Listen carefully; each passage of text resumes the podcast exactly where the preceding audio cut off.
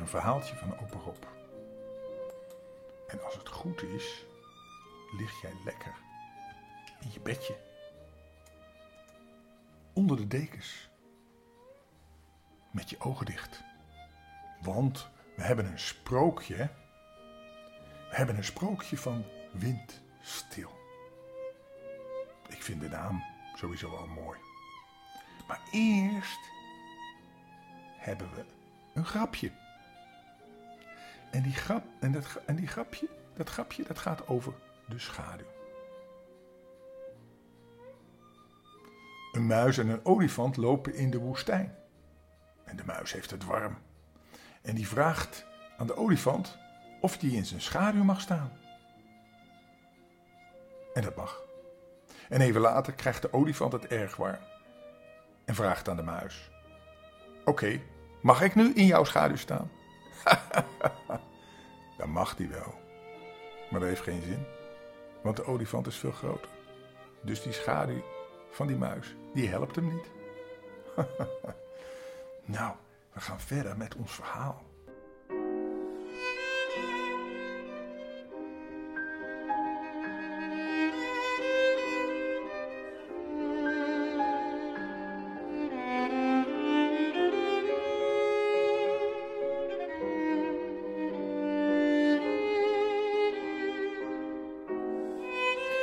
Verhaal is het sprookje van de wind. En de wind, als die niet hoeft te waaien en vrij is, gaat hij naar een verlaten kasteel. Een slot, een burcht. En daar heet hij dan windstil en krijgt hij een menselijke gedaante. En hij is een meisje tegengekomen dat verdwaald was na het bramen plukken. En die in de burcht terecht kwam. En die liep een trap op en achter die, achterop. En toen ze zich omkeerde, toen zag ze plotseling windstil. En windstil vond er zo mooi dat hij er wil trouwen. En hij is zo blij dat hij dat gevraagd heeft, dat hij de bruidegom wordt. Dat hij, als hij de wind is en buiten de burcht is, enorm tekeer gaat. Hij laat de stormen, de wolken, drijft hij op, de golven maakt hij hoog. En hij zegt: Kan mij niet schelen wat jullie zeggen, wolken en golven. Straks, als ik weer windstil ben, ben ik de bruidegom. Wat sta je daar verwaand tussen de sterren te pronken? Gierde hij de maan plagend toe. Breng mijn groeten over aan de zon en vraag haar of zij morgen windstil wil trouwen. Toen hij er zeker van was dat de hele wereld het grote nieuws wist, minderde hij zijn vaart. Hij gleed af naar China en ritselde in de moerbijbomen de, rup de rupsen toe. En hij ritselde ze toe dat zij voor zonsopgang een bruidskleed voor hem klaar moesten hebben van het fijnste en het puurste zijde. Zo mooi als ze nog nooit gesponnen hadden. En daarna dook hij naar de stille Zuidzee om zich op de bodem te laten zinken. Waar hij de goudgeschubde tropische vissen roerloos liggend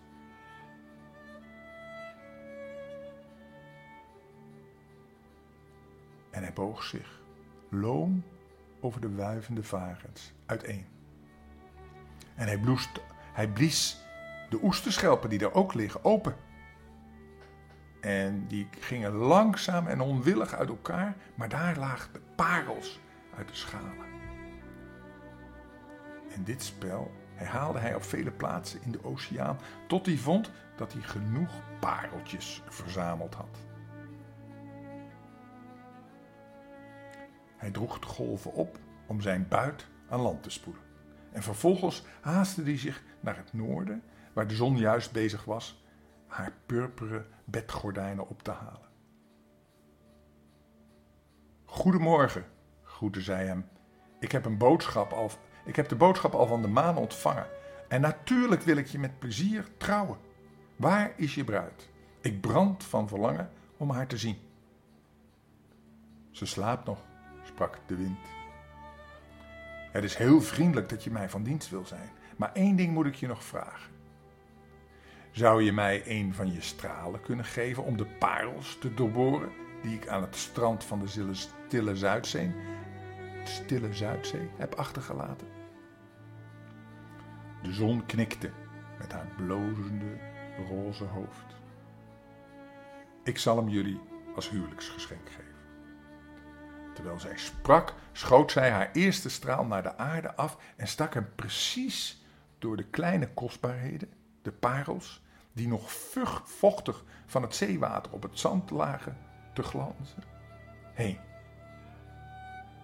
En verheugd eilde de wind de straal achterna, nam hem op en reeg met zijn koele adem de parels aaneen. Veel dank dan, en tot over een uur, riep hij tegen de zon.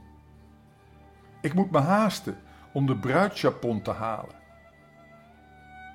Het snoer, als een rij kleine witte kolken, voor zich uitblazend, keerde hij naar China terug, waar het zijden kleed al voor hem klaar lag. Terwijl hij tezamen met de parels door de lucht het kleed meevoerde dat was de huwelijksjurk. Riepen de vogels, daar gaat de wind met de geschenken voor de bruid als hij straks windstil zal zijn. En de herdersknapen die met hun schapen en geiten de bergen introk en de boeren die hun koeien gingen melken, zagen de vreemde, doorzichtige wolk over hun hoofden zweven. En ze dachten, dat is een wonderlijk teken aan de lucht. Er gebeurt vandaag vast en zeker iets heel bijzonders. En dat er iets bijzonders ging gebeuren, dat hadden ze juist geraden. Maar als iemand hun verteld had wat het zou zijn, zouden ze het nooit hebben geloofd. Toen het meisje onder de hemel van het hemelbed wakker werd en de vreemde kamer zag, herinnerde ze zich plotseling wat haar de vorige dag was overkomen. Ze was verdwaald en had een verlaten, vervallen, eenzaam slot ontdekt, waarin ze een jonge man had ontmoet. En die zei dat hij Windstil heette en die had gevraagd om met haar te trouwen. Of had ze het mij gedroomd? Ze keek om zich heen en daarbij viel haar blik op het strand, op het stralende witte bruidskleed en het parelsnoer die naast haar waren neergelegd. Het was dus toch waar. Haar ogen begonnen te schitteren en ze wist niet hoe vlug ze haar oude gelapte kleren moest uittrekken. En haar bruidsjurk moest aantrekken. Beneden aan de trap, in de hoge schemerige hal, stond wind, windstil zijn bruid op te wachten. Haar opgetogen stem kwam al van verre naar hem toe. De plooien van haar japon voorzichtig ophoudend, snelde zij zich op hem af. Hij nam haar bij de hand en bracht haar naar buiten, waar de bedauwde, gras als met bloemen bestrooide lopen voor hen lag uitgespreid. Twee leeuwerikken, dat zijn vogeltjes, streken vlak voor hun voeten neer en plotseling begon een koor van vogelstemmen te zingen en windstil, windstil richtte zijn blik en zijn ogen op de zon en sprak: Dit is mijn bruid, die je zo graag wilde zien.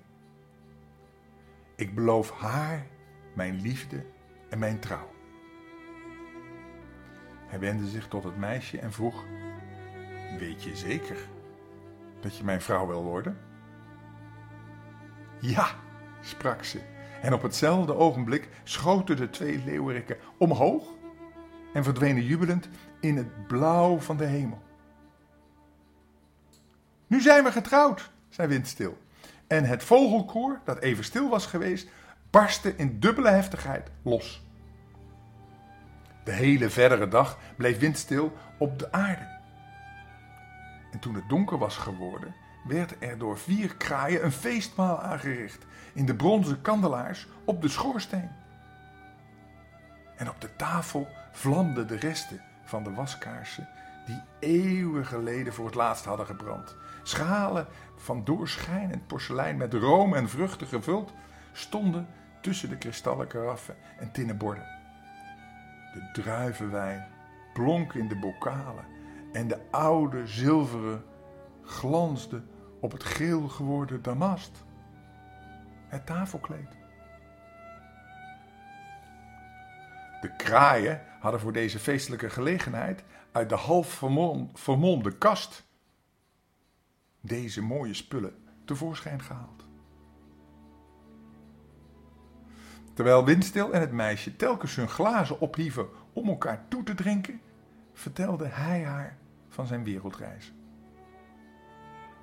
Aandachtig luisterde zij naar zijn verhalen over de poolgebieden, waar hij de sneeuw in wilde wervelstormen met zich voortjoeg en de ijsschotsen in de Poolzee huizenhoog op elkaar stapelde. Alsof het grillige kristalpaleizen waren. En van de eenzame koude poolgebieden nam hij haar mee naar de lente in Japan. Waar hij de kersenbloesems in roze wolken door de lucht liet dwarrelen. En dan naar China, waar hij met de bonte vlinders speelde, die zo groot waren als de handpalm van een, van een mens. En naar de tropische oerwouden, waar de passiebloemen de hele nacht hun blauwe hart voor hem openden. En naar de oevers van de Nijl, waar vandaan hij de geuren van de lotus op zijn onzichtbare vleugels met zich meevoerde. Hij toverde de kleuren van het koraalriffen en de riffen en de diepzeevissen voor haar verrukte ogen. En van de insecten en de vogels, die allemaal in een wonderbaarlijke tuin leefden, die aarde heette. En zij, zijn bruid, luisterde, met gloeiende wangen, en haar lach klonk helder tegen de wankele muren. Het leek zelfs of de dames en heren van de familieportretten meeluisterden. En een flauw lachje om hun zo stijve lippen speelde.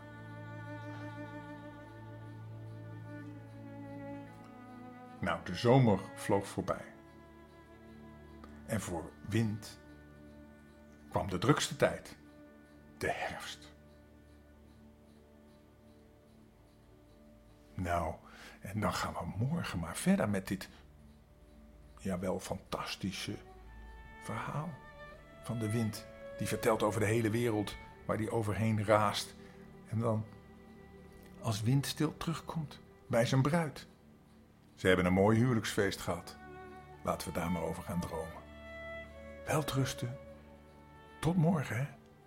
Dag.